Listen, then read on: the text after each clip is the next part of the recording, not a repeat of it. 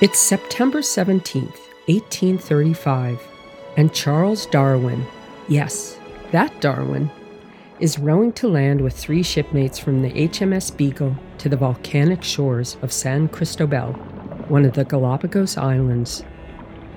The crew scrambled through a crazy landscape covered with lava. They're on the hunt for giant tortoises to eat.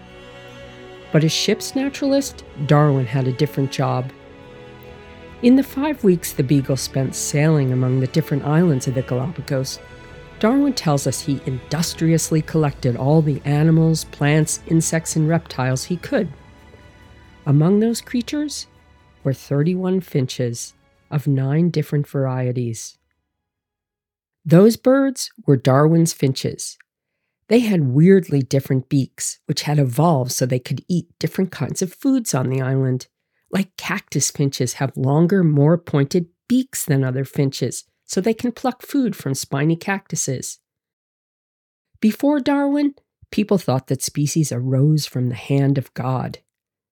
Darwin's finches helped show how species can physically evolve over time as they adapt and respond to their environment. Case closed, right? Well,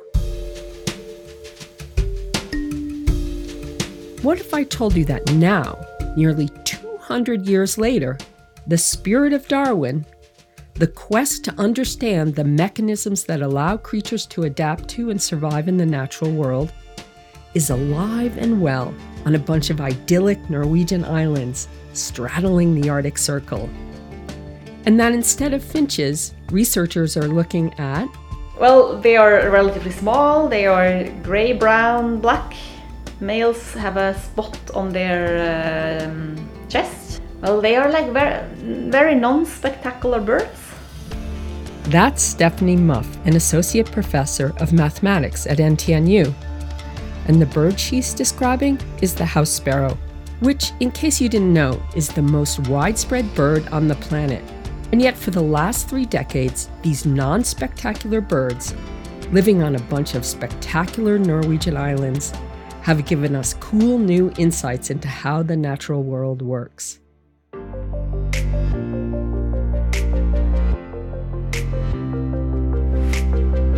I'm Nancy Bazilchuk, and you're listening to 63 Degrees North, an original podcast from NTNU, the Norwegian University of Science and Technology.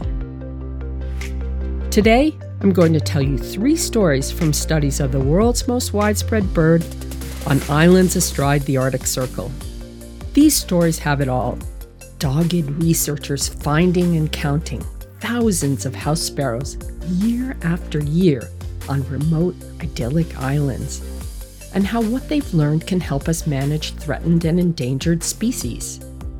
Clever experiments where researchers were able to make evolution happen in real time, and then watch what happened when they let nature run its course. And last but not least, house sparrow dating preferences and rogue sparrow fathers who court exhausted sparrow mothers and then father children with a cute little she bird next door. Okay, so now we need to set up this uh, ringing and measuring lab. And we, I think we can do it in the back of the car today because the weather is pretty good. That's Stephanie working with Henrik Jensen, a professor at NTNU's Department of Biology at the Center for Biodiversity Dynamics. Scale for body mass. And then we need the coloring somewhere. Yep, those are in that bag. So you can take out the colorings, and I have the the metal rings here. Okay. So what was the number of the nest again? Four four six. Uh, four. Four six seven. seven. Yep, right. And I said one egg, four chicks, and those are 11 days. No dead chicks. And then we just continue with the rings and stuff. Every summer since 1993, biologists have traveled north from Trondheim to the islands off the coast of Helgeland to collect data on house sparrows. They capture baby birds, measure different parts of their bodies, take a tiny blood sample, and then put a unique combination of colored rings on their legs that help researchers identify the birds throughout their lifetime. The blood samples have let them make family trees for sparrows on the islands so they can see who's related to whom. It may sound like easy work, catching birds, taking a few samples, and letting the birds go, but you have to get to the nests to catch the chicks. And house sparrows, when they nest on farms, they like to nest up high, under the roofs of barns. Stephanie again. So now we are on one of the farms on one of the islands. It's a classical Norwegian farm with some chicken and uh, lambs, cows, horses. And Henrik has climbed up. So he really uses climbing gear and climbs up the walls, under the roof to check the nests. Even though she's mainly working on statistical analysis for the project, Stephanie went to Helgeland for a few weeks last summer to see how the researchers do their field work. I gave her and Henrik microphones for their smartphones and asked them to do some recordings. We found two nests where there were chicks. There were a nest with uh, four chicks, but one was dead, so we could take out three of them and ring them, weight them, measure them, take a small blood sample, and then we put them back up in the nest. They were just five days, so I was surprised how small these birds are, and it's already possible to put a metal ring on their leg and to take a blood sample that we can use to uh, genotype them later on.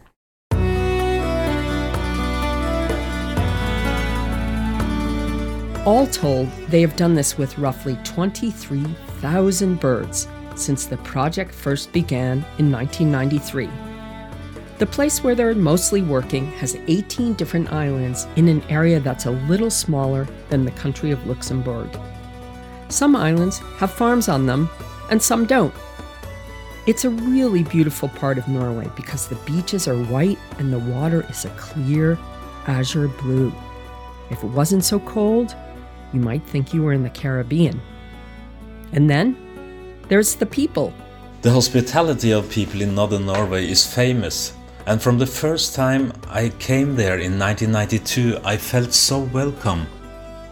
That's Tor Harald Ringsby, an associate professor at NTNU's Department of Biology, also at the Center for Biodiversity Dynamics.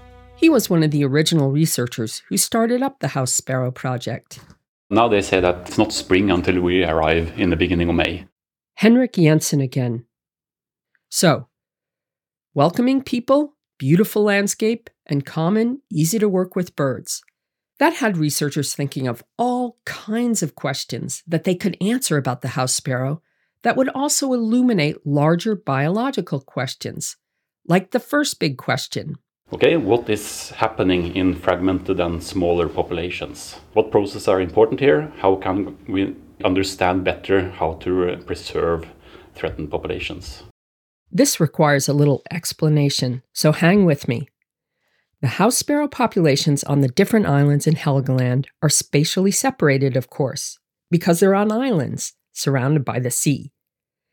This physical separation allows researchers to use the island dwelling house sparrows as proxies to explore important biological concepts about threatened populations, because threatened species are often separated into smaller subpopulations. But what often separates threatened species is habitat destruction by human activities like logging or urban expansion. Biologists call all of the subpopulations of an area a metapopulation because they're the same species in the same area, but are separated too. Tor Harald explains why this is important. The whole archipelago is a metapopulation consisting of many smaller island populations that are connected because the exchange of dispersers between them. Dispersers, that's key. In natural populations, like the Helgeland house sparrows, some birds may roam. In threatened populations, the animals may not be able to disperse on their own, but people could help them. With a certain probability, every local population will go extinct. But also, with a certain probability, an empty habitat will be recolonized after being extinct for some time. So, in a viable metapopulation, it is therefore crucial that the recolonization rate is higher than the extinction rate. This is why the researchers have been collecting basic information on the house sparrow populations on the different islands over many years. It's a way for them to see if they can understand what allows some subpopulations to thrive, while others may dwindle in numbers and even go locally extinct. A basic starting point is to understand what determines fluctuations in population sizes from one year to the next. To understand the underlying ecological drivers of these fluctuations, we need to know which ecological factors determines the probability of surviving as a fledgling if you have just hatched. That's why Henrik is climbing up the sides of barns, counting chicks in the nests. Okay, so now we have some chicks from a nest here on my farm, and uh, we put on first a metal ring. So this ring number is yeah 8P14498, and uh, each bird needs to have a separate code, separate combination of metal ring with a number and color rings year after year of measuring which birds live, which ones die, helps tell researchers that one important lesson from the House Sparrow project is that there is a lot of variation in the quality of habitats, both in time and in space. These parameters are vital to understand how we can design management plans and protect threatened species. So here's the takeaway when we design a conservation area or plan to manage spatially fragmented populations, one general message is that you have to be sure to conserve a sufficient area of the habitats where the species actually is present. Tor Harald Ringsby. But also to conserve areas where the species is not present at the moment, these areas are needed due to the balance of extinctions and recolonizations that I mentioned earlier. You must also be aware the variation in habitat quality. Some of the populations will be more important because they are very productive and therefore generate many emigrants. Uh, they have a positive growth rate and will uh, contribute to recolonize empty populations. It took biologists five years at the very beginning of the project to provide the kind of scientific underpinning to support this more general assertion. Then there was the project where researchers actually tried to drive evolution in house sparrows by making them get bigger and smaller. The core question here was focusing on whether there actually is an optimal body size for a population, shaped by natural selection over time. What decides the size of individuals? Why aren't they smaller or larger than what we observe? Is it costly in terms of reproduction or survival to deviate from the average body size in the population? These were the underlying questions when we planned the selection experiments. These are the kinds of questions that Darwin himself might have asked. What puts the limit on sizes for a species? Why aren't house sparrows as big as house cats? To answer this question, the researchers needed to actually physically remove different birds from different islands. They didn't want to mess with the Helgeland populations because they had so much information from years of research there on the birds and their natural habitat. So, we did some experiments further down, uh, further south along the coast, selecting for large and small birds Uh, on, uh, on two different islands. Henrik Jensen. This is a unique thing that we can do with the house sparrows, is that people are not so worried about it. It's not really threatened in northern Norway, so it's not a conservation issue and it's living very close to humans. It's easy to, to like capture all the sparrows in a population, measure them, decide who will go back to the population and decide who will have to move away. So we did this for four different years around 2002. We know that in the winter, the sparrows are very closely uh, connected to the farms because it's like okay, living in, on a farm gives you shelter, gives you food, it's warm there. It's it's a very nice place to stay in the winter. So we went there in the winter, in February, and then we went to the different farms, uh, and then we saw, okay, here is a lot of sparrows uh, on this farm. Uh, if the weather was bad, all were inside, and we could just close the doors and the windows and put up uh, mist nets, uh, special nets to capture birds, and then capture almost the whole population in, in one day or uh, just a couple of days. So we captured the birds and we, we took them to a, an abandoned farm where we had sort of sealed everything up, off and, and made it into a sort of holiday home for the sparrows. A holiday home. How lovely. Who knew? So they stayed there until all the sparrows basically on this island was captured. And then we had measured them, so we knew the, the distribution, the the, this is a large sparrow on this island, this is a small one, this is the mean sparrow size on this island. And you could then decide, okay, we want these 40% of the larger sparrows to be put back. And we put them back where they came from, uh, and then we removed the 60% smaller ones to um, maybe 100 kilometers away into the nature, but in, the, in an, an, area with farms, so they could uh, live on these farms instead. So that was on the like selecting for the large, and we did the same or opposite thing on an island where we selected for small. And evolution worked. As we expected, because we know that size has a genetic component, we saw a, an increase in size where we selected for large birds, we saw a decrease in size where we selected for smaller birds. So that's sort of good to see that, okay, these simple equations for how evolution should work, it works also in nature where we have a lot of environmental variation uh, compared to what you have in farm uh, animal breeding, for example. Still, these were wild birds where researchers were like a super strong environmental force, removing all the smaller, large birds from a population. So, what happened to the birds when the researchers stopped?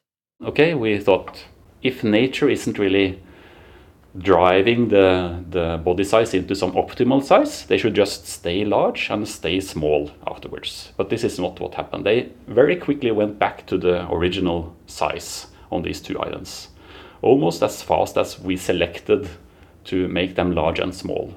And this means that in nature, there are some forces that keep the size of birds, for example, on an optimal size.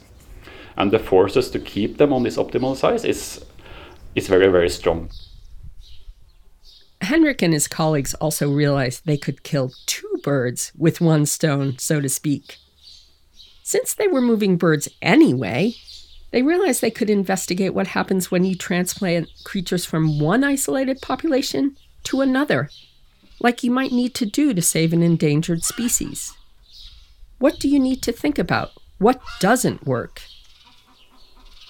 So when we did this body size experiment, we also combined it with a translocation experiment. So some of the birds that we removed away from these islands where we wanted to make birds large and small, we moved them to another archipelago where we had removed half the sparrows and, and put translocated birds on it to look at what happens when you translocate individuals into a new population. And then it turns out that they, they contribute, but less than you would expect. And here's where we get into sparrow dating preferences. Because if biologists are moving individuals from a threatened species to a new area with other individuals of that species so they can boost population numbers or reduce inbreeding, they want those creatures to hook up. But that's not quite the way things worked because we removed half the birds, we made like the population smaller than the carrying capacity or the maybe the optimal population size. So we thought like, okay, when we translocate birds, this will be more like a conservation management action. Okay, you have smaller, you have populations that have decreased. What happens when we when we translocate birds or individuals there? Will the population increase and and how do these translocated birds do? Do they contribute with genes? Uh, for example, some sort of genetic rescue uh, experiment. And uh, they contributed little, but a little, but not as much as we expected, suggesting that there are mechanisms, maybe social mechanisms, that make these translocated males less interesting for the local females. Yep, the new guys just weren't that interesting as it happened except when the big patch of black on their breasts was really, really big. Biologists call that patch a chest badge. The other ones didn't really produce any offspring. And this is, uh, we know, knew from before that males with this large black badge, they are more popular among females than the ones with, with a smaller badge. Who knew? Fashion statement. Knowing about the preferences of females is, is then might be important if you want to do some translocation to try to rescue a population. Maybe it's better to translocate females or at least not the, the bad males if you want to, then to contribute with genetic variation. This wasn't the only thing researchers found out. It turns out that the male birds with the big black badges, which are preferred by the females, can be real scoundrels. Tor Harald Ringsby. Dominant males with large badge sizes, they are also very interested in doing other things than feeding their own young. They would really be around and try to be the parent of clutches uh, in the neighborhood. So they have this extra pair copulation mechanism where they are being a father to the neighbors' chicks and young. So, so, so they're running around with other yeah, females instead of feeding their own uh, chicks. So those bad boys are busy messing with the neighboring female birds. What would Darwin say about that? I think that he would be excited about the results, and I think that he would have been surprised about all the knowledge within ecology and evolution that can be extracted from a common species like the house sparrows, studied in northern Norway. Even though the house sparrow is among the most common bird species that lives close to humans, it may easily be ignored by many people. But the house sparrow can actually tell us a lot about ecological and evolutionary mechanisms that are common in nature but are challenging to study in the wild. And we can use the house sparrow as a model species where the results contribute to the current scientific discussions with insights about processes that are also going on in other species in the wild. I'm sure I'm not the first science journalist, or scientist for that matter, who would love to have a time machine to go back and actually talk to Darwin, to see what he would think about the house sparrow research.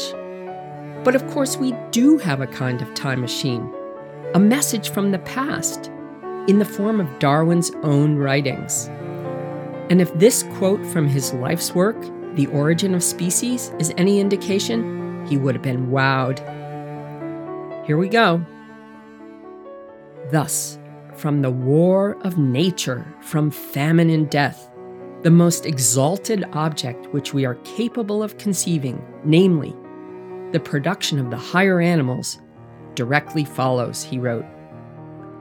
There is grandeur in this view of life with its several powers, having been originally breathed into a few forms or into one, and that Whilst this planet has gone cycling on according to the fixed laws of gravity, from so simple a beginning, endless forms, most beautiful and most wonderful, have been and are being evolved.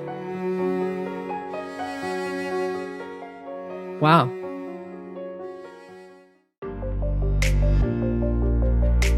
I'm Nancy Bazilchuk, and you've been listening to 63 Degrees North, an original podcast by the Norwegian University of Science and Technology. You can imagine that with nearly 30 years of research, we've only scratched the surface here. If you want to know more about the House Sparrow Project, you can find links on our show notes page, along with links to some of the academic articles that are related to the findings I've described. This is the last episode of the first season of 63 Degrees North. If you've enjoyed the podcast, leave us a rating on your podcast app and tell your friends. This podcast was written, recorded, and edited by me, Nancy Bazilchuk, with tons of help and encouragement from my terrific NTNU colleagues Anna Schlipper Midling, Kolbjørn Skarpnes, Ingrun Førehaug, Nina Tvetter, Christian Fusen, and Sivan Røv, and from Randy Lillalton from Historia Historiebruket. Thanks also to the 17 researchers from NTNU and abroad who were willing to be interviewed. Editorial help and sound design by Historiebruket. Thanks for listening.